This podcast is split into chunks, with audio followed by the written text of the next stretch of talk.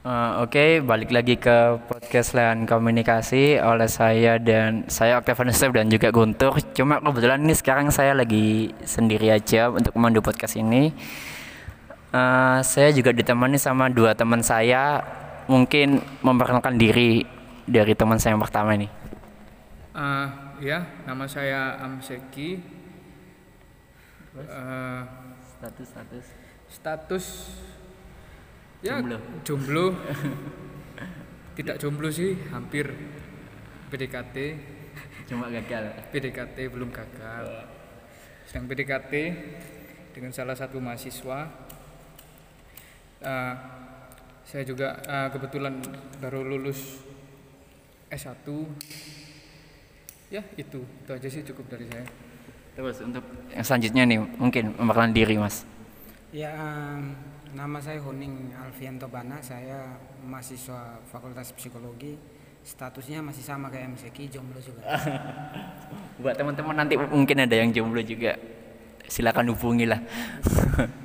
Oh ya oke Eh, untuk kali ini kita akan membahas soal regulasi di tengah pandemi COVID-19 ini kita akan bahas soal regulasi apa aja sih yang dikeluarkan terus dari regulasi itu psikologi masyarakat apa sebagai dampaknya itu bagaimana lalu apakah ada yang janggal dari regulasi itu un- yang untuk yang telah dikeluarkan? Mungkin dari Amseki dulu. Eh, menurut Amseki ini regulasinya nih apa aja sih yang dikeluarkan? Terus dari janggal nggak untuk regulasinya itu? Eh, regulasi yang pertama kali itu menurut saya keluarnya peraturan pemerintah nomor 21 tahun 2020 tentang pembatasan sosial berskala besar dalam rangka percepatan penanganan coronavirus disease 2019 COVID 2019 ini. Nah, di dalam peraturan ini itu eh, mengatur tentang eh, pembatasan apa ini tata cara pemerintah dalam membatasi masyarakat eh, penanganan pemerintah dalam membatasi mungkin penyebaran corona ini dengan membatasi gerak masyarakat itu. Dengan supaya supaya masyarakat ini untuk tetap berada di rumah supaya virus corona ini tidak tersebar dengan sangat cepat. Dan dalam peraturan pemerintah tersebut itu didasari oleh Undang-Undang Nomor 4 tahun eh, Nomor 6 Nomor 6 maaf Nomor 6 2018 tentang kekarantinaan kesehatan dan juga Undang-Undang Nomor 24 tahun 2007 tentang penanggulangan bencana. Nah, di situ dalam peraturan ini saya melihat ada kejanggalan. Kalau saya lihat menurut saya menurut saya pribadi ada kejanggalan. Apa karena janggalnya? kejanggalannya itu di dalam Undang-Undang Nomor 24 tentang penanggulangan bencana itu diatur tentang bahwa masyarakat itu mendapatkan kesejahteraan dalam arti kebutuhan dasar. Kebutuhan dasar yaitu pangan dan Sandang. eh, sandang, sandang, papan sandang apa enggak enggak enggak, Enggak. enggak. Papan sih enggak sih. papan tulis ya Pokoknya yang yang penting itu pangan karena apa? Dalam ketika pembatasan sosial uh, skala besar ini berlaku, itu kan masyarakat harus harus berdiam diri di rumah kecuali mereka diperbolehkan kecuali uh, diperbolehkan untuk keluar kecuali untuk kepentingan tertentu yaitu mungkin dia bekerja. Nah, pertanyaannya sekarang bagaimana dengan masyarakat yang di PHK ini? Ketika masyarakat ini mendapat eh, di PHK dari perusahaannya, terutama kebanyakan yang mendapat PHK ini kan pasti perusahaan masyarakat yang bekerja sebagai karyawan swasta. Nah, di mana kita kan tidak tahu sampai kapan pembatasan sosial skala besar ini berlaku. Terus ketika mereka di PHK kan mereka pasti mendapatkan pesangon dari perusahaan. Nah, pertanyaan apakah cukup uang pesangon itu untuk kebutuhan kehidupannya mereka selama pembatasan sosial ini berlaku? Apakah nah jaminan pemerintah ini di mana? Apakah ada jaminan pemerintah ketika pembatasan sosial skala besar ini berlaku bahwa masyarakat tidak akan kelaparan dan lain sebagainya? Yang penting itu, oke kita negatif dari COVID-19, tapi banyak kematian karena kelaparan bisa jadi. Hmm. bisa jadi seperti itu. Yang saya lihat sih seperti itu. Dan yang saya khawatirkan contoh seperti pedagang-pedagang kecil warung-warung terus pasar-pasar buah mungkin terus pedagang kaki lima yang di mana pada saat malam hari mereka berjualan yang biasanya kalau di Surabaya ini seperti di Taman Apsari, Taman Bungkul mereka bisa berjualan di situ. Sampai berapa jam pun yang biasanya mereka mendapatkan pendapatan kira-kira sehari bisa 500 ribu itu bisa menurun gitu loh. Nah ini dampaknya juga cukup besar. Terus dengan orang yang di PHK ini kalau tidak ada jaminan pemerintah dalam apa ya menjamin kebutuhan dasarnya orang masyarakat ini sehari-hari nah, masyarakat ini mau makan apa? Gitu loh. Hmm. Terus belum lagi pemerintah mengeluarkan kebijakan tentang uh, pembebasan para napi yang Itu dikeluarkan oleh Permen diatur itu ya?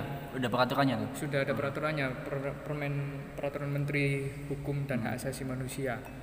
Itu ya mohon maaf saya lupa peraturan nomor berapa. Itu napi itu dibebaskan. Nah saya itu mikir gini loh Eh, apa hubungannya COVID apa ini pencegahan dan penanggulangan COVID-19 dengan dibebaskannya para napi apakah Eh, maksud saya, apakah napi ini lebih aman berada di penjara daripada mereka harus dibebaskan terus akhirnya mereka keluar? Iya kalau dapat kepercayaan, kalau enggak, apakah Oh, iya. mereka malah enggak melakukan tindak kejahatan lagi? Mereka mengulang kejahatan lagi. berarti bekalnya yang yang, yang diperlukan itu dari para napi Iya, bekalnya. Seperti di Malaysia lah kita ya sempat saya baca berita di Malaysia itu para napi itu dipekerjakan untuk membuat masker bagi para tenaga kesehatan. Kan itu kan lebih bermanfaat di situ. Ada saling bantu, dari siapa? Saling saling bahu membahu dalam menangani corona ini, dalam menanggulangi dan mencegah virus tersebarnya virus corona ini. Di mana di samping para tenaga kesehatan ini bekerja dalam sebagai garda terdepan dalam uh, menangani masyarakat yang ter- apa ini terjangkit penyakit corona ini mereka pun juga butuh alat-alat kesehatan untuk mengamankan dirinya mereka juga gitu loh. Lalu kalau misalnya tidak ada alat-alat kesehatan yang layak atau katakanlah buruknya uh, alat-alat kesehatan yang diperlukan tenaga kesehatan ini habis, nah terus bagaimana gitu loh? Hmm. Apakah dengan disediakannya dana terus kita eh, import alat-alat kesehatan dari luar negeri apakah tidak menghabiskan dana yang cukup banyak apakah lebih baik tidak apa ini diperdayakanlah para napi-napi ini atau mungkin ada perusahaan-perusahaan yang bergerak dalam pembuatan masker itu memperkerjakan orang-orang yang di sekitar ini supaya membuat masker, kain atau apa pun itu, itu kan lebih bermanfaat menurut saya seperti itu. Eh, terus apa lagi apa lagi dari Eh. aturan apa lagi terus terus itu adanya program kartu prakerja. oh ya Pemerintah ke- program kartu prakerja di tengah pandemi corona ini. Nah, saya melihatnya di sini cukup aneh karena apa? Banyak orang yang sudah di PHK, di PHK. Banyak masyarakat yang bekerja ini di PHK dari perusahaan. Ketika mereka di PHK, mereka tidak bisa bekerja. Mereka diam berdiam diri dalam rumah, menaati peraturan pemerintah untuk supaya berada di rumah supaya mencegah tersebarnya virus corona ini dengan cepat. Terus kalau mereka berdiam di rumah, di rumah mereka kan butuh apa ini uang untuk menghidupi kebutuhan keluarganya, ya makan itu terutama ya. makan terutama, terutama makan, minum. Terus kan ada tuh kan keluarga yang sampai mati gara-gara nggak ada makanan dia minum dua hari aja meninggal itu iya di Serang salah di Serang itu. Terus ada juga di Batam itu Hmm. sampai dia itu jual HP-nya dia itu untuk supaya dia bisa makan. Gitu loh. Itu miris gitu loh. Maksudnya sampai mana sih tindakan pemerintah ini keseriusan tindakan pemerintah dalam mencegah dan menanggulangi virus tersebarnya virus corona ini gitu loh kalau hanya physical apa ini physical distancing social distancing itu itu tidak cukup menurut saya. Karena kan masyarakat ketika berada di rumah mereka juga butuh makanan gitu loh. Siap siap. Apalagi yang anak masih punya anak-anak kecil gitu. Ya saya kan kasihan di situnya gitu loh. Udah. Uh, Ya, ini. uh, oke selanjutnya ke- kalau kita ngomong soal keseriusan pemerintah menangani pandemi corona ini berarti kita perlu membaca psikologinya ya. Iya mungkin dari Bang Oni sebagai mahasiswa psikologi kan. Tadi kan Amsaki sudah ngomong soal peraturan terus dari peraturan itu bagaimana membaca. Kalau Bang Oni membaca dari psikologi masyarakat dari peraturan itu dampaknya apa? Terus kenapa pemerintah perlu mengeluarkan peraturan itu? Psikologi di otaknya itu bagaimana? Mungkin bisa dijelaskan Bang Oni. Ya, em, mungkin menurut saya yang terjadi adalah kebingungan di tengah-tengah masyarakat. Ah, kebingungan pertama adalah penggunaan istilah yang dilakukan oleh atau yang disampaikan oleh juru bicara pemerintah. Penggunaan istilah-istilah asing yang yang terus diulang dan di- digunakan. gitu. Nah, pemahaman masyarakat yang pertama yang memahami tentang istilah-istilah itu itu kebanyakan masyarakat perkotaan. perkotaan oke oke Sedangkan yang berada di desa dan eh, tingkat pendidikannya di bawah itu sering kali tidak tidak memahami hal itu. Seringkali kadang mereka memahami atau eh, bisa menerjemahkan istilah itu, tapi dalam proses pelaksanaannya itu mereka sebetulnya tidak memahami dengan jelas. bingung ya Ah, bingung. Itu yang pertama. Yang kedua, saya melihat bahwa pemerintah juga eh, terlambat mengambil sikap. Yang pertama itu ketika eh, apa wabah ini masuk ke Indonesia, seharusnya pemerintah bergerak dengan cepat untuk melakukan langkah-langkah antisipasi. gitu. Nah, eh, dengan eh, apa menjaga bandara, pelabuhan dan lain-lain. Karena saya melihatnya karena sudah sudah apa sudah terlambat, akhirnya pemerintah semacam gelabakan untuk mengambil sikap. Sikap-sikap semacam uh, melakukan uh, pencegahan dengan penyemprotan apa disinfeksi, disinfektan uh, disinfektan dan sebagainya. Saya pikir itu salah sasaran. Yang pertama begini, penyemprotan itu seharusnya dilakukan bukan di jalan-jalan. oh di- terus di mana itu Seharusnya yang, yang dilakukan itu di tempat-tempat seperti sekolah, seperti pasar, seperti tempat ibadah dan lain-lain yang di situ uh, terjadi kerumunan massa. Gitu. kawasan publik gitu Ya, ya bukan di tempat-tempat semacam jalan umum.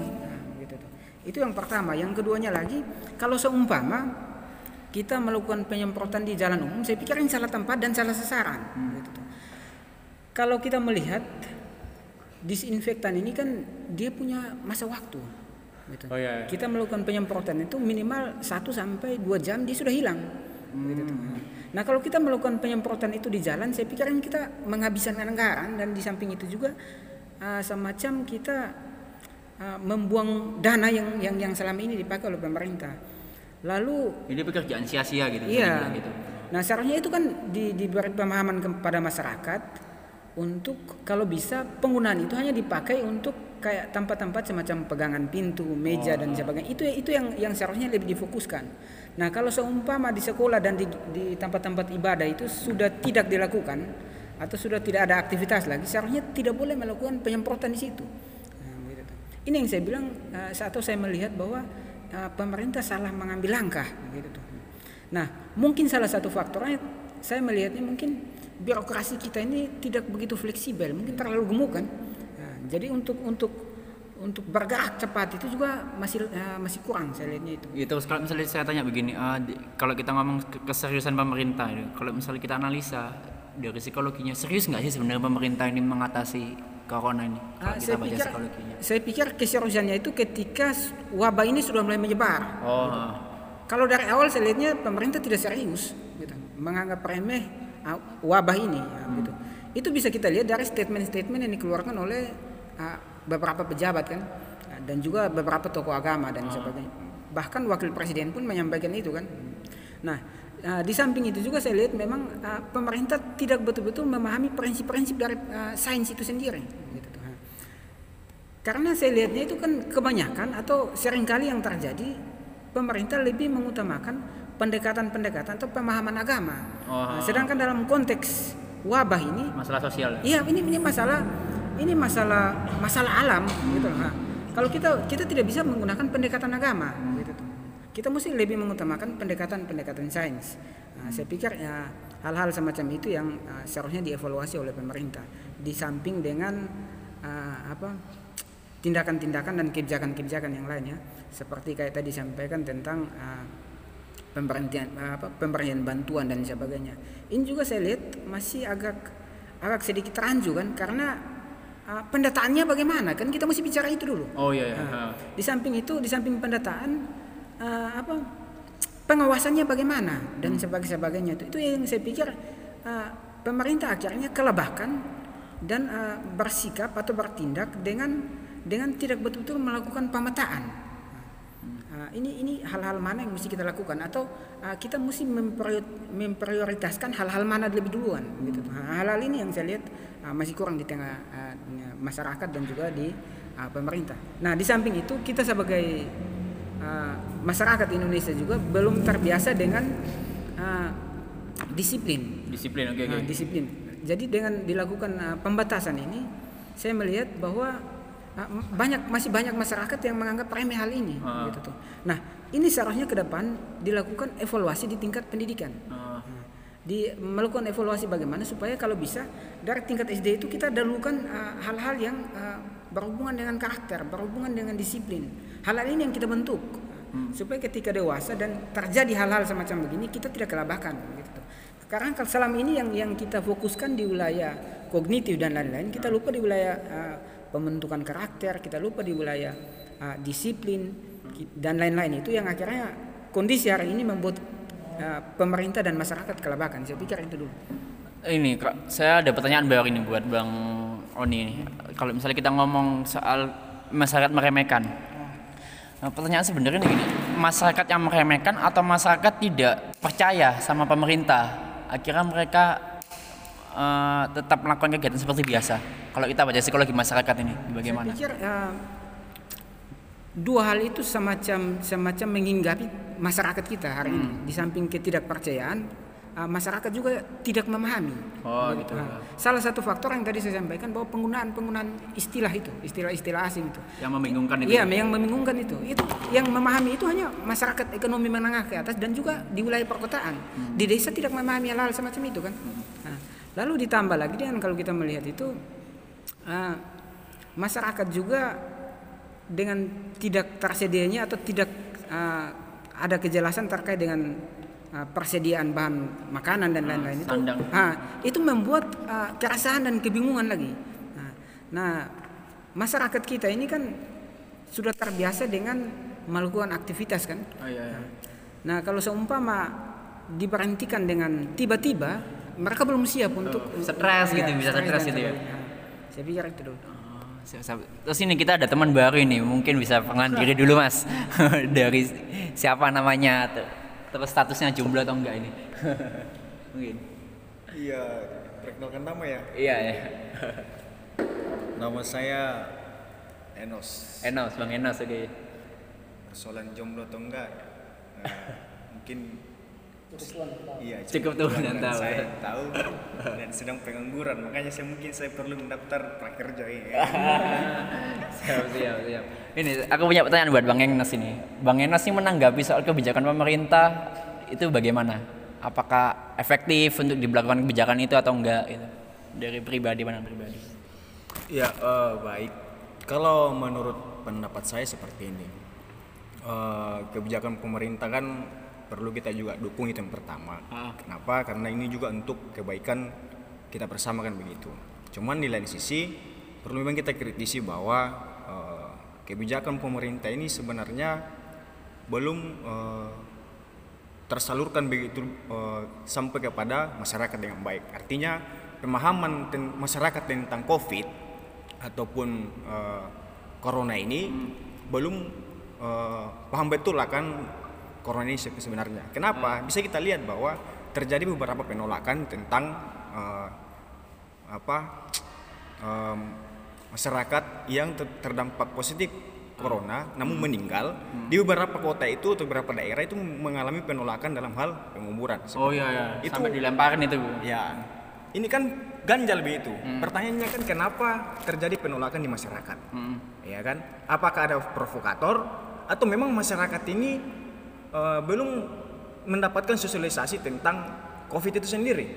Padahal kalau kita lihat bahwa penanganan COVID mengenai mayat yang positif corona ini kan sudah me- memenuhi standar SOP. Oh, iya. Ba- baik itu yang sesuai dengan WHO maupun yang SOP yang dibuat oleh pemerintah itu sendiri kan begitu nah ini saya pikir ini yang perlu masyarakat eh, ini yang perlu pemerintah terlebih dahulu kan dalam artian pemahaman tentang covid ini tentang wabah ini harus merata kepada masyarakat bukan hanya di daerah kota seperti Jawa ini kan seperti Oh, itu iya. tapi misalnya sampai di desa ya kan? Desa. di desa itu aku yakin dan percaya apalagi yang tidak memiliki gadget seperti orang-orang di kota pasti mendapatkan informasi itu kurang. Kurang, kurang. seperti itu ya kan? Nah itu yang perlu kita cegah kan seperti itu. Jangan sampai kita sudah tahu bahwa keluarga korban sudah meninggal malah kita sakiti lagi dengan cara yang tidak manusiawi seperti itu. Dengan cara apa? Penolakan kan seperti itu. Padahal kalau kita tahu kan penguburan daripada manusia yang positif covid ini kan sudah tidak bisa eh, keluarga datang ke tempat pemakaman harus dipandang lebih dari jauh ya kan seperti itu nah kemudian juga persoalan eh, kalau saya pikir persoalan social distancing misalnya Iya. kita perlu belajar dari social distancing ataupun physical distancing ini sebelum menerapkan eh, PSBB. Kenapa? Kita lihatlah eh, masyarakat Indonesia itu saya pikir kepala batu. Ya kan? Kenapa? Kenapa? Kenapa Kepala kepala batu? batu? Contohnya sudah di, sudah diberitahu bahwa untuk sementara waktu karena pandemi COVID-19 ini eh, masyarakat dihimbau agar tidak terlalu melakukan perkumpulan-perkumpulan di mana-mana. Baik itu di warkop maupun di mana-mana kan seperti itu. Dan bahkan eh, orang-orang pun dalam proses beribadah pun sudah dirumahkan kan seperti itu. Akan tetapi kita lihat eh, masyarakat masih banyak melakukan perkumpulan-perkumpulan, ya kan? Entah itu di warkop dan lain sebagainya. Akhirnya pemerintah mengambil tindakan untuk pihak kepolisian dan satpol pp membubarkan. Terjadi, nah ini sini terjadi biasa gesekan kan begitu. Namun yang menjadi masalah besar menurut saya yang pelaku yang harusnya menjadi garda terdepan juga di sini adalah pemuda, tetapi justru pemuda yang bandel gitu loh, ya kan? Ya karena pemuda kan dinilai imun tubuhnya lebih tinggi itu kan. Iya, bukan persoalan imun tubuh, Heeh. ya kan. Tetapi kalau misalnya pemuda ini sudah bersentuhan dengan yang uh, positif corona, meskipun memang imun tubuhnya itu kuat, tapi ketika bersentuhan dengan orang tua misalnya, Oh, iya, iya. ini kan bisa penularan secara cepat kan begitu. Heeh. Ini yang perlu kita sadari sebagai pemuda sebenarnya kan gitu. Bukan persoalan dibilang imun tubuh saya ketika muda masih kuat melawan covid, ya kan. Kita nggak tahu loh kematian itu datang dengan hampir kita. Tua Iya. muda kan tidak ada uh, problem di situ. Harus semuanya bisa mati kan begitu. Nah itu. Kemudian juga persoalan eh, apa PSBB. Saya pikir beberapa eh, minggu yang lalu pemerintah sudah menetapkan dalam artian rus- rumah sakit rumah sakit yang ditetapkan sebagai Rujukan. rujukan positif corona. Nah ini yang perlu dipertimbangkan artian menerapkan PSBB berarti setiap provinsi kabupaten bisa melakukan. Pertanyaannya adalah apakah dalam setiap provinsi atau kabupaten ini sudah memiliki rumah sakit yang sesuai standar, maksudnya yang bisa menjadi tempat rujukan. Nah ini perlu kita sadari begitu loh. Jangan sampai saya ambil contoh di Sulawesi Selatan misalnya. Iya. Di Makassar satu misalnya mungkin dan kemudian di, di Tanah Toraja satu. Nah dari kabupaten sebelah misalnya dari dari Nrekan kemudian dari Palopo itu ma- m- oh, dari dua kabupaten ini masuknya ke Tanah Toraja misalnya karena di sana ada salah satu rumah sakit eh, negeri yang menjadi tempat Rujukan. rujukan COVID-19 ini. Nah pertanyaannya ketika PSBB kita lakukan Lalu apakah sudah ada penentuan untuk penambahan rumah sakit sebagai tempat rujukan dalam setiap kabupaten itu? Ya kan, saya pikir kan sejauh ini informasinya belum ada. Iya, iya. Cuman ada beberapa seratus berapa yang sudah dikeluarkan oleh pemerintah itu kan begitu. Nah saya pikir penanganannya ini dulu. Ketika memang PSBB dilakukan maka setiap kota harus ada rumah sakit yang menjadi tempat rujukan positif corona. Kan begitu. Kemudian juga persoalan peralatan Peralatan ya ya gimana? kan? Peralatan dalam artian APD daripada eh, baik itu dokter maupun eh, Perawat. perawat harus SOP harus sesuai dengan standar yang eh, lengkap seperti itu. Kenapa? Kita tidak tahu lah seorang dokter saja dengan standar yang sudah luar biasa PD-nya masih tetap kena Kena, dengan- iya. dan- Ada yang meninggal Nah, juga bahkan sampai. banyak yang meninggal sekarang kan kan begitu nah ini yang perlu kita eh, perkuatkan seperti itu karena bisa kita tahu bayangkan pak masa menangani COVID-19 eh, seorang misalnya tenaga kesehatan masih menggunakan misalnya apa jas hujan nih. Ini kan apa kayak Kekurangan peralatan itu iya kekurangan, kekurangan peralatan ini kan begitu. Artinya semacam menganggap remeh begitu loh. Oh. masa sih jas hujan aja yang kita gunakan? Itu kan kalau menurut saya tidak sesuai standar SOP lah ya kan. Kan APD untuk menangani COVID ini kan berbeda dengan yang lain kan begitu. Nah sehingga eh, PSBB ke depan ini dapat berjalan dengan baik tetapi jangan lupa bahwa eh, PSBB ini harus disosialisasikan dengan baik kepada masyarakat Informasinya itu ya harus jelas. harus, jelas begitu. Karena kapan tidak jelas, saya pikir pun juga tidak ada guna dilakukan PSBB ini. Oh. Kenapa? Tidak ada juga jaminan kok bahkan melakukan PSBB ini akan hilang COVID ini dengan cepat. Tidak ada jaminan. Tetapi untuk mencegah itu maka kita perlu melakukan sebuah tindakan toh. Daripada tidak melakukan apa-apa maka kita lakukan sebuah tindakan melalui PSBB yang awalnya social distancing kemudian physical distancing kemudian merujuk kepada PSBB kan begitu. Dan bahkan kita sudah ketahui beberapa kota sudah melakukan eh, pengajuan kepada Menkes ya Oh, kan? Menkes, ya. dan bahkan sudah ada yang dikabulkan kan seperti itu. Salah satu contoh di Surabaya kan begitu. Namun kita belum tahu kapan penerapannya kan terlaksana. SK kita nunggu SK-nya itu. berarti. USK-nya seperti itu. Mungkin itu dulu sejauh ini yang saya pandang kan begitu. Biar nanti kita mengalir aja ya kan. Siap, siap. Oh, ini ya untuk Amseki ini. saya ingin menambahkan Oh, boleh, boleh. Apa? ya saya ingin Ya menambahkan- mungkin untuk ditambahkan juga ada pertanyaan ini dari saya baru timbul. Eh, tadi kan Bang On ini ngomong soal remeh remeh temeh dari masyarakat sikapnya terus ketidakpercayaan pada pemerintah. Itu kan berarti ada dampak dari peraturan yang dikeluarkan kan. Berarti apakah perlu peraturan itu dikeluarkan? Toh buktinya masyarakat juga meremehkan atau ada, ada suatu ketidakpercayaan pada pemerintah gitu. Terus juga dari Bang siapa? Bang Enos ya. Bang Enos tadi kan juga ngomong soal bahwa orang yang meninggal dari Covid ini ditolak. Apakah perlu juga untuk dikeluarkan peraturan atas tindakan itu dari penolakan itu? Gimana? Oh ya, kalau menurut saya itu bukan kenapa kok masyarakat itu bisa sampai meremehkan Oh, ya. atau mungkin timbulnya suatu ketidakpercayaan, terus sampai timbulnya yang lebih parah lagi adanya penolakan terhadap eh, orang yang sudah meninggal untuk dikuburkan di suatu wilayah itu. Terus ada pengusiran juga perawat yang tinggal di situ itu diusir gitu loh. Itu kenapa kok bisa sampai terjadi itu? Itu menurut saya permasalahan bahasa Bahasa. penggunaan bahasa. Oh, oke oke. Kenapa kok menggunakan bahasa-bahasa Inggris? Tidak semua orang itu memahami bahasa Inggris dan tidak se- semua orang itu tahu tentang bahasa Inggris, terutama di masyarakat pedesaan. Ah. Kenapa kok menggunakan istilah social distancing, physical distancing? Oh ya. Kenapa nak menggunakan istilah pembatasan sosial? Berarti kita perlu pakai bahasa Indonesia gitu ya? Pembatasan fisik. Kan apa ya? Istilahnya kita sudah menentang eh, budaya kita, identitas kita sebagai warga negara Indonesia, yang di mana kita harus menjunjung tinggi bahasa Indonesia itu sendiri, Bahasa persatuan. bahasa persatuan itu. Itu sih permasalahannya di situ. Yang kedua dari segi peraturan itu eh, bahwa di dalam undang-undang masyarakat harus wajib mematuhi peraturan pemerintah Ah. Ketika karantina kesehatan ke apa peraturan tentang karantina kesehatan itu dikeluarkan PSBB ini diberlakukan. Masyarakat disuruh wajib untuk menaati. Nah pertanyaannya apa jaminan pemerintah supaya masyarakat ini kebutuhannya yang yang menjadi permasalahan utama itu kebutuhan gitu loh. Terus pemahaman. Hmm. kenapa kok malah yang ketika memaham apa ini mencoba untuk memahami masyarakat itu menggunakan bahasa-bahasa asing gitu loh. Tidak semua orang memahami bahasa asing. Ah. Tidak semua orang ya mohon maaf mendapatkan pendidikan yang cukup. Hmm. seperti itu. Ketika social distancing physical distancing orang-orang pedesaan apa itu social distancing? Physical distancing itu apa? Gitu loh. Pembatasan fisik pembatasan fisiknya seperti apa? Gitu loh. Ketika mereka sudah mengerti pembatasan fisik oh ya pembatasan fisik. Supaya kita menjaga jarak sekitar satu meter.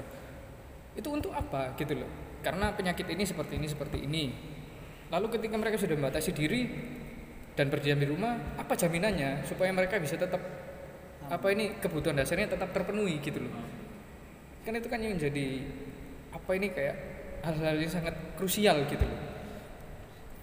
Pemerintah mewajibkan masyarakat untuk mematuhi tapi pemerintah tidak memberikan jaminan kebutuhan dasar kepada masyarakat. Ah, gitu loh. Itu yang membuat apa ini yang menurut saya masyarakat itu kurang kurang percaya terhadap pemerintah atau meremehkan kebijakan pemerintah. Atau ada yang salah nggak sama peraturan itu? Akhirnya toh buktinya dari peraturan yang dikeluarkan masyarakat juga tetap ada hal yang meremehkan ada yang tidak percaya juga. Gitu. Atau ada yang salah dari peraturan itu substansinya tidak ada yang salah tapi ada yang kurang oh ada yang kurang ada yang kurang Contohnya, itu jaminannya itu oh jaminan jaminan pemerintah terhadap kebutuhan masyarakat itu di undang-undang sudah tertulis soal bantuan bahwa- sosialnya tuh Iya, bahwa pemerintah memberikan bantuan sosial kebutuhan dasarnya masyarakat. Mhm. Tetapi apa wujudnya itu? Gitu loh. Wujudnya itu apa? Jaminannya apa? Dia hanya dibatasi, tetapi tidak ada jaminan untuk kebutuhan mereka, hidupnya mereka gitu loh. Terus di Undang-Undang Karantina Kesehatan pasal 10 pun, pun juga diatur tentang pemerintah pusat itu menetapkan pasal 10 ayat 1 pemerintah pusat menetapkan dan mencabut kedaruratan kesehatan masyarakat. Terus di pasal 10 ayat 4 itu ketentuan lebih lanjut mengenai tata cara penetapan dan pencabutan sebagai sebagaimana dimaksud pada ayat 1 diatur dengan peraturan pemerintah. Itu saya sudah cari tidak ada peraturan yang mengatur tentang penetapan eh, tata cara penetapan dan pencabutan karantina kesehatan. Itu loh. Pentingnya tata cara itu ya itu supaya itu menunjukkan kesiapan pemerintah dalam menghadapi apa ya suatu kedaruratan seperti itu. Jadi tata cara penetapan dan pencabutannya ini sampai kapan, terus jaminan kesehatan itu, eh jaminan terhadap masyarakat itu bagaimana, terutama ya kayak apa ya bukan bukan eh, tenaga kesehatan ini meremehkan hingga pakai jas hujan itu Ah. bukan bukan karena mereka meremehkan atau apa itu karena kekurangan alat alat alat-alat kesehatan yang ada di rumah sakit itu karena tidak bantuan ada pemerintah kurang gitu dirasa. bantuan pemerintah itu ya kurang gitu loh kesiapannya itu kurang Oh. memang sudah dianggarkan tapi kenapa kok baru dianggarkan ketika sudah ada yang tertular gitu loh yang namanya pencegahan itu pemerintah se ya menurut saya pemerintah setidaknya bisa bisa melihat lebih jauh ke depan lah Hmm. futuristis lah istilahnya Oh, siap, siap. ketika eh, oke pada Januari virus tersebut sudah booming di Cina Februari itu sudah merebak ke dunia-dunia luar bahkan sampai ada apa ini sampai pernah ada tersebar di media sosial surat dari masyarakat di Italia lah tentang Oh. kenapa pentingnya kita harus eh, kita harus berdiam diri di rumah gitu loh. Itu kan di Italia. Mereka sudah terjamin. Apa ya kayak kebutuhannya mereka yang ada di Italia dengan kebutuhan kita masyarakat Indonesia kulturnya yang di sini itu sudah jauh berbeda gitu loh. Berbeda, ketika disamakan itu tidak bisa. Susah. Saya rasa itu sih. Gitu ya? Iya. Terus ini bangun nih gimana tanggapannya? At- saya juga ada pertanyaan ini.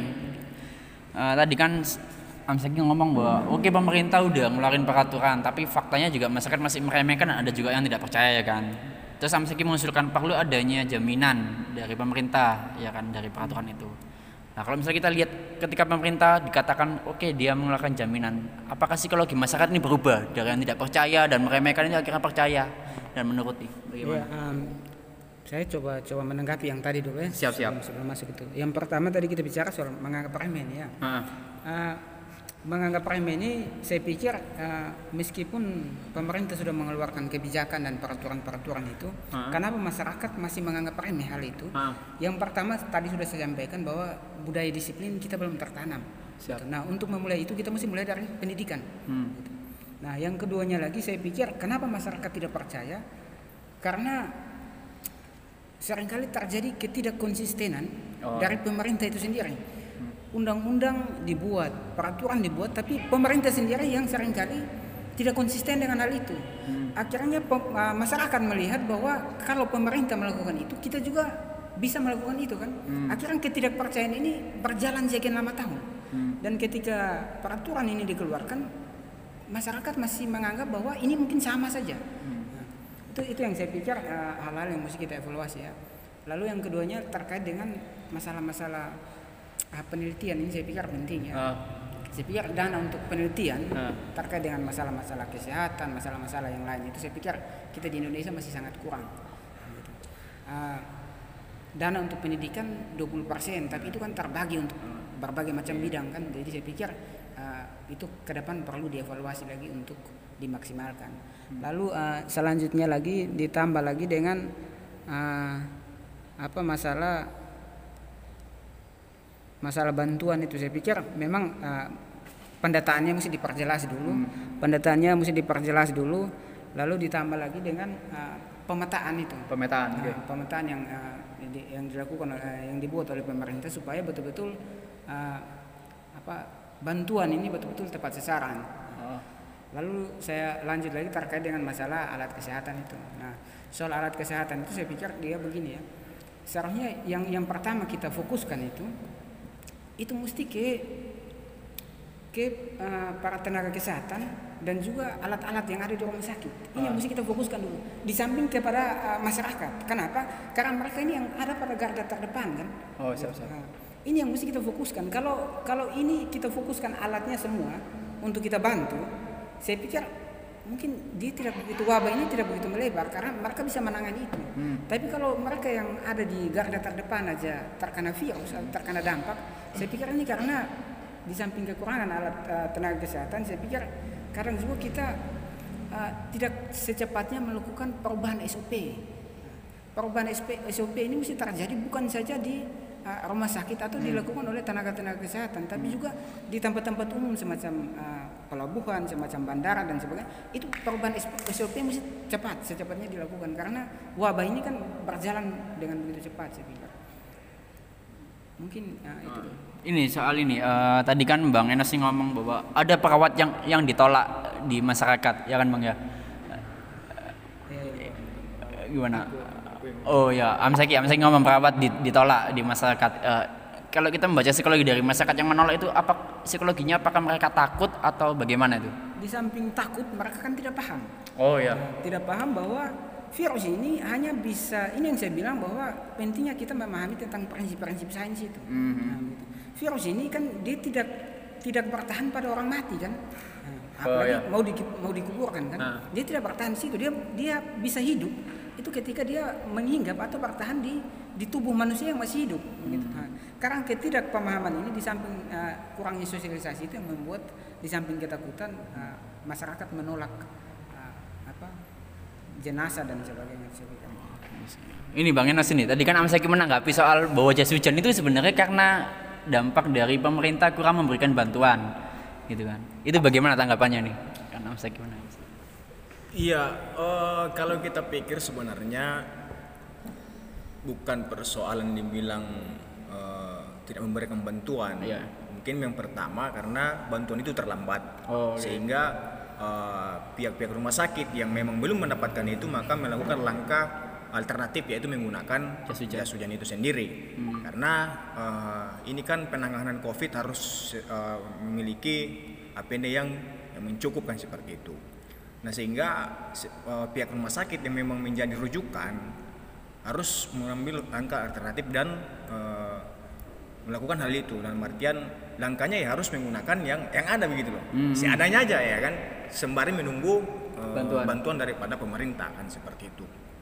Nah namun kan eh, itu lagi saya pikir saya katakan tadi bahwa eh, memang perlu penanganan ini cepat maka perlu juga alat-alat dalam hal eh, misalnya eh, rapid test dan lain sebagainya ataupun yang alat-alat yang dapat digunakan untuk eh, pengecekan darah secepat mungkin dalam hal- eh, bisa apa namanya eh, membuat bahwa eh, orang ini positif ketika diambil darahnya kan seperti itu. Harusnya atau harusnya ada di setiap apa setiap rumah sakit itu yang menjadi rujukan ya kan? Sehingga cepat dalam prosesnya itu. Jangan sampai eh, orang sudah meninggal sudah dikubur belum keluar hasil daripada labnya Oh ya ya. nah ketika sudah misalnya meninggal empat hari lima hari baru keluar labnya positif corona ya kan ini bahaya kayak Oh, gitu. iya. Nah, ini menjadi eh, problem maka Berarti kita ngomong soal status gitu ya? Ya, Kenapa dia makanya kita harus mendorong pemerintah biar ini dipercepat, Hmm. ya kan? untuk eh, mematakan penyebaran virus corona ini dengan cepat juga kan seperti itu. Karena kita tidak bisa hanya mengandalkan PSBB tanpa disertai dengan kelengkapan-kelengkapan daripada kesehatan itu sendiri. Nah ini yang perlu kita dorong kepada eh, pemerintah saya pikir seperti itu. Selain daripada kita sebagai masyarakat yang baik harus patuh juga kepada kebijakan-kebijakan pemerintah yang memang sudah paham dan yang belum paham berikan pemahaman kepada yang belum paham kan seperti itu mungkin kira-kira seperti itu Oke oke. Mungkin ada tanggapan yang lain ini gimana? ya? Saya coba ta- Oke. tambahkan sedikit Bang Oni. uh, terkait dengan uh, apa istilah yang tadi kita sampaikan itu. Ah. Saya pikir akhirnya karena penggunaan istilah itu tidak tepat atau menggunakan bahasa asing dan tidak dimengerti oleh masyarakat, Ah. Akhirnya semacam terjadi uh, saling apa ya? Ada ada ada ada ada, ada saling ada gap antara Gap, gap. masyarakat kota dan masyarakat desa atau masyarakat yang berpendidikan tinggi dengan minta maaf yang berpendidikan rendah Ah. gitu. Uh, permasalahan di mana masyarakat yang berpendidikan tinggi dan yang ada di kota dia menganggap bahwa masyarakat di bawah ini bodoh, nggak nggak nggak mengikuti aturan pemerintah dan sebagainya. Padahal bukan saja itu, masalahnya kompleks itu. Orang tidak memahami salah satu istilah itu. Yang kedua dia di, di, di, di- dituntut dengan uh, apa pemenuhan kebutuhan itu. Oh, ya. Nah, di situ akhirnya dia mesti tetap menjalankan aktivitas-aktivitas itu. Nah, kalau yang tadi disampaikan oleh MCK bahwa pemerintah seharusnya melakukan uh, Jaminan. uh, jaminan itu uh, kepada masyarakat kan. Nah, kalau seumpama itu dilakukan, saya pikir ini bisa mengurangi uh, semacam apa? Mengurangi masyarakat untuk uh, untuk untuk uh, keluar untuk melakukan aktivitas-aktivitas yang lain. Nah, masalah bahasa ini saya pikir begini. Kita ini sering kali saat Sumpah Pemuda kita bicara soal bahasa satu bahasa Indonesia. Oh, siap, Tapi siap. dalam keseharian kita sering kali itu tidak digunakan. Itu yang pertama. Yang keduanya lagi terkait dengan uh, ini banyak hal ya kalau kalau kalau kita Ah. lihat di dalam uh, pendidikan kita juga begitu. Lalu di dalam uh, kebiasaan kita dalam kayak semacam kita uh, memberi nama toko atau uh, kayak semacam uh, mall dan sebagainya sering kali menggunakan istilah-istilah asing gitu. Seharusnya kita menggunakan bahasa-bahasa Indonesia saja atau minimal bahasa-bahasa lokal yang ada. Contohnya bahasa Jawa, bahasa bahasa Sunda dan lain-lain. Saya pikir itu lebih lebih lebih tepat. Karena masalah bahasa ini terkait dengan Covid ini di Krusial daerah ya, di daerahnya saya itu sampai akhirnya pemuda-pemuda berinisiatif untuk melaku- uh, me- melakukan uh, terjemahan ter- ke bahasa lokal supaya masyarakat lebih paham. Mhm. Karena kalau ini tidak dilakukan masyarakat kan tidak paham kan. Nah, saya pikir itu. Oke, oke. Amsaki mungkin ada tanggapan atau gimana? Dari pengaturan bahasa. Ya kalau pengaturan ya juga ya cukup itu tadi. Cuman Hmm. ah, fokusnya pemerintah ini juga perlu apa ya kayak lebih dikerucutkan lagi istilahnya. Kalau memang situasi yang darurat seperti ini, darurat kesehatan, ya fokusilah pada darurat tersebut, bukan malah membuat program pelatihan prakerja gitu. Oh. Eh, apa sih urgensinya membuat program pelatihan prakerja itu? Sedangkan orang-orang di PHK, orang-orang sudah meng, apa ini ya logika saya ya. Kalau salah mohon dikritik dan dikoreksi. Eh, orang-orang sudah mendapatkan pekerjaan, terus dia di PHK. Terus muncullah latihan pekerja, pelatihan pekerjaan, ini- pelatihan kerja ini. Nah, mereka itu sudah memiliki skillnya mereka di bidang masing-masing gitu loh. Kenapa kok mer- memerlukan eh, pelatihan kerja lagi gitu loh? Terus apakah jaminannya ketika setelah pelatihan kerja ini mereka mendapatkan pekerjaan? Hmm. Nah, pertanyaannya kan itu. Terus ada insentif 600.000 ribu diberikan kepada masyarakat yang mendaftar ke apa program Prakerja. prakerja ini. Akhirnya di tengah kondisi yang seperti ini masyarakat membutuhkan membutuhkan apa ini kebutuhan dasar, kebutuhan dasarnya mereka dan di tengah pilihan pelatihan kerja atau kebutuhan ini ya masyarakat pasti memilih uang 600 ribu lah terutama yang di PHK ini. Hmm. apa ya kayak untuk kebutuhan perut itu yang lebih penting sih menurut saya untuk apa jaminannya masyarakat itu. Supaya karena apa? Iya seperti yang saya ngomong tadi mereka negatif corona mereka tidak mati karena corona. Mungkin bisa jadi dia mati karena kelaparan dan kehausan itu. Iya. itu. Terus soal pelatihan kerja ini. Terus pelatihan kerja itu dibuat eh sempat di berita itu di koran Jawa Pos itu ada eh, video pelatihan kerja ini itu diambil dari YouTube di apa ini video gratis yang ada di YouTube gitu loh seperti contohnya cara membuat desain dengan Photoshop cara uh, cara apalah membuat apalah itu sudah ada di YouTube semua gitu loh Dan Jadi itu nggak perlu adanya program itu kita bisa Iya kayak sendiri. program ini untuk apa sih jadinya gitu loh? Tepat. Tidak tepat gitu loh. Apalagi ditetapkan di, diberlakukan atau dijalankan di tengah situasi pandemi ini.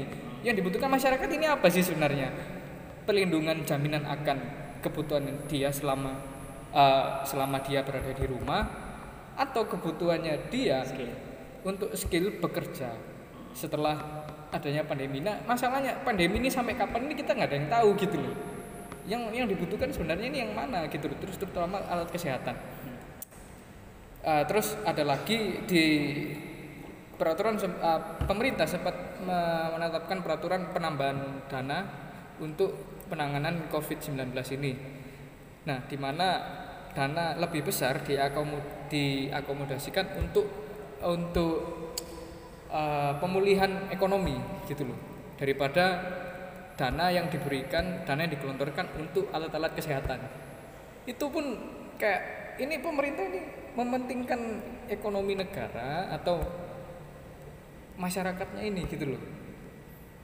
Kayak ketika memang negara mengalami kerugian ketika apa ya logikanya seperti ini ketika masyarakat sudah dijamin dijamin kehidupannya oleh negara dilindungi dan lain sebagainya ketika pemerintah mengalami kondisi eh, di mana adanya krisis ekonomi itu kan bisa membahu, bahu membahu dengan masyarakat. Seperti ketika pemerintah apa negara Indonesia pertama kali berdiri pemerintah apa utang kepada masyarakat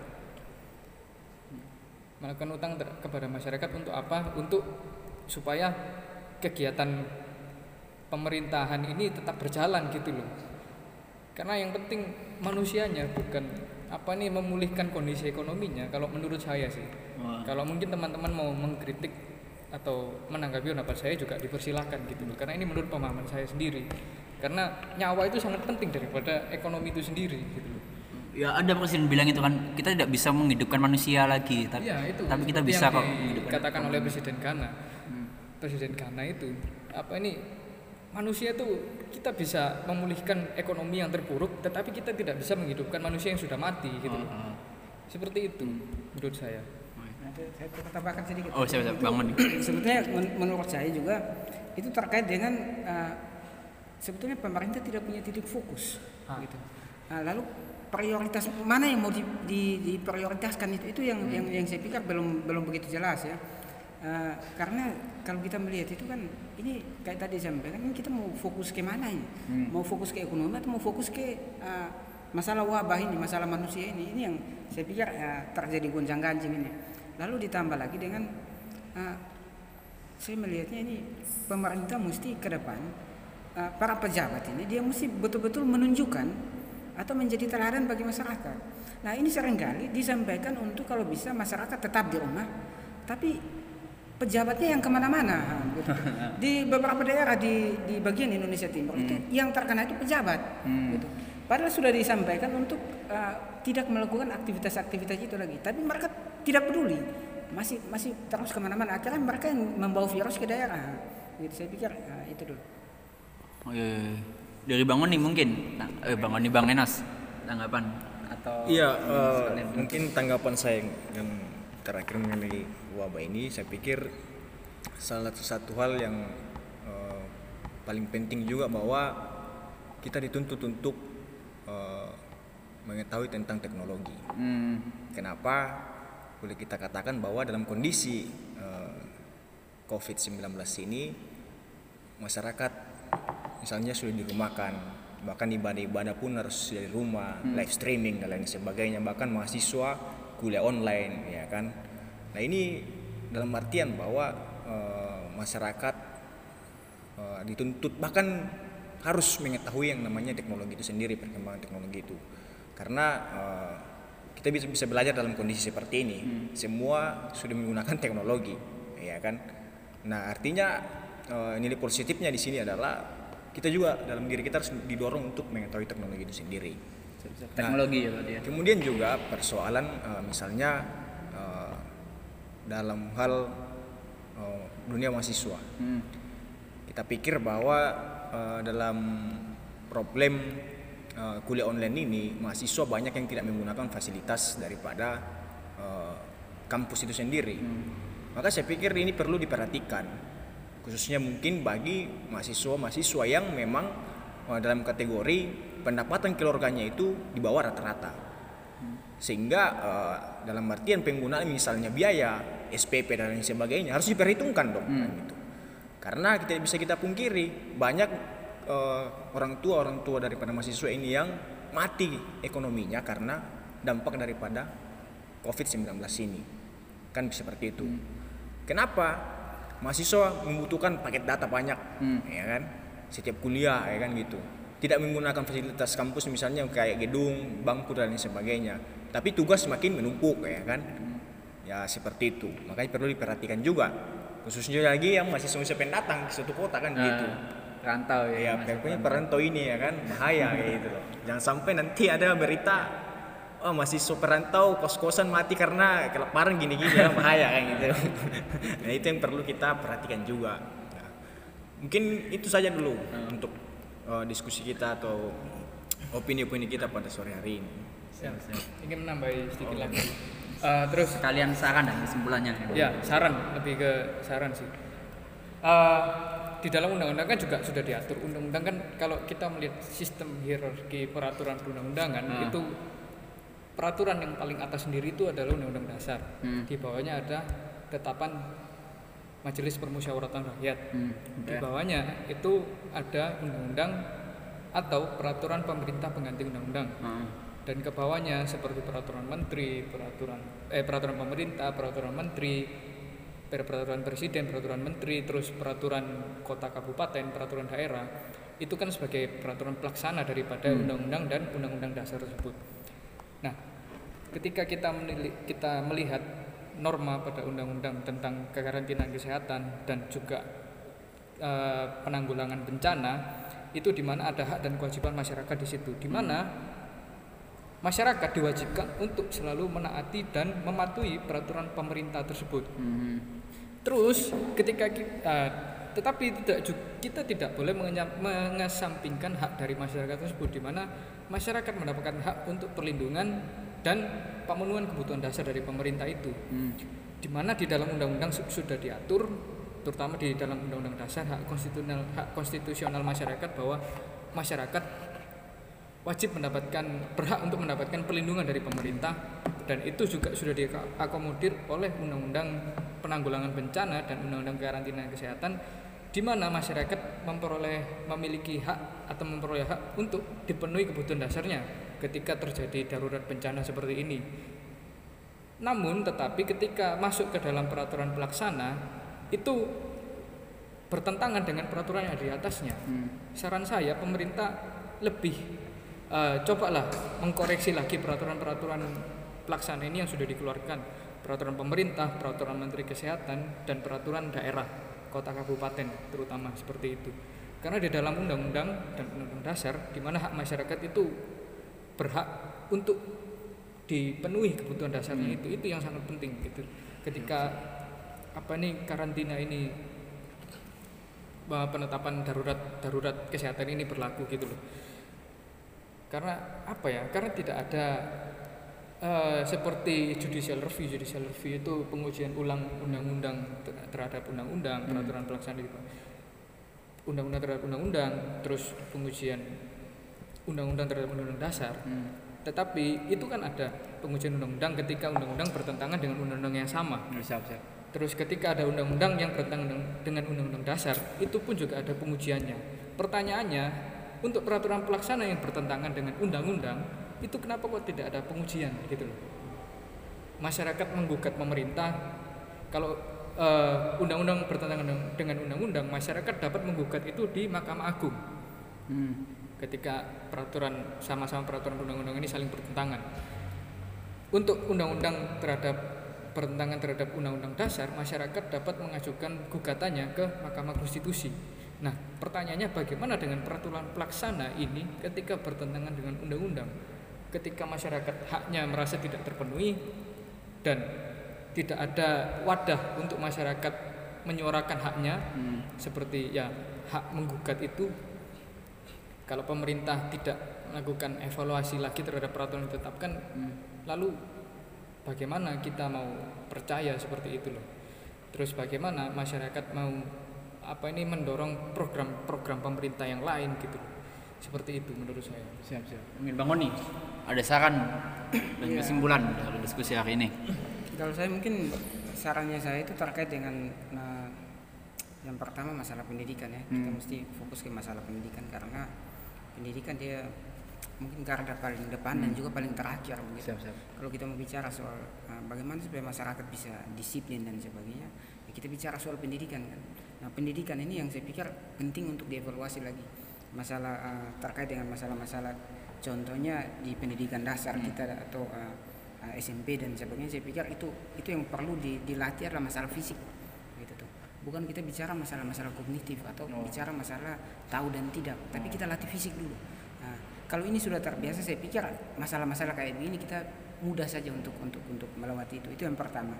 Yang kedua terkait dengan uh, masalah uh, kartu apa kartu prakerja tadi itu, saya pikir itu juga perlu dievaluasi karena uh, apa yang disampaikan itu atau apa yang ditawarkan oleh pemerintah kan uh, banyak kita bisa mengakses itu di YouTube, ya di YouTube dan lain-lain. Tapi di samping itu juga begini, itu juga tidak menjawab sebetulnya. Kenapa? Karena kalau masa di- dijelaskan dan masyarakat tahu itu belum tentu dia melakukan gitu.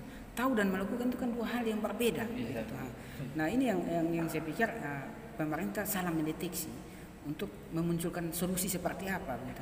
Nah, sarannya saya contohnya kayak dana yang dipakai untuk itu kalau bisa dikasih ke kita yang generasi muda untuk mungkin membeli alat pertanian dan sebagainya untuk untuk kita bertani saja menguatkan pangan kita saya pikir itu lebih baik Ya, Oke, oke.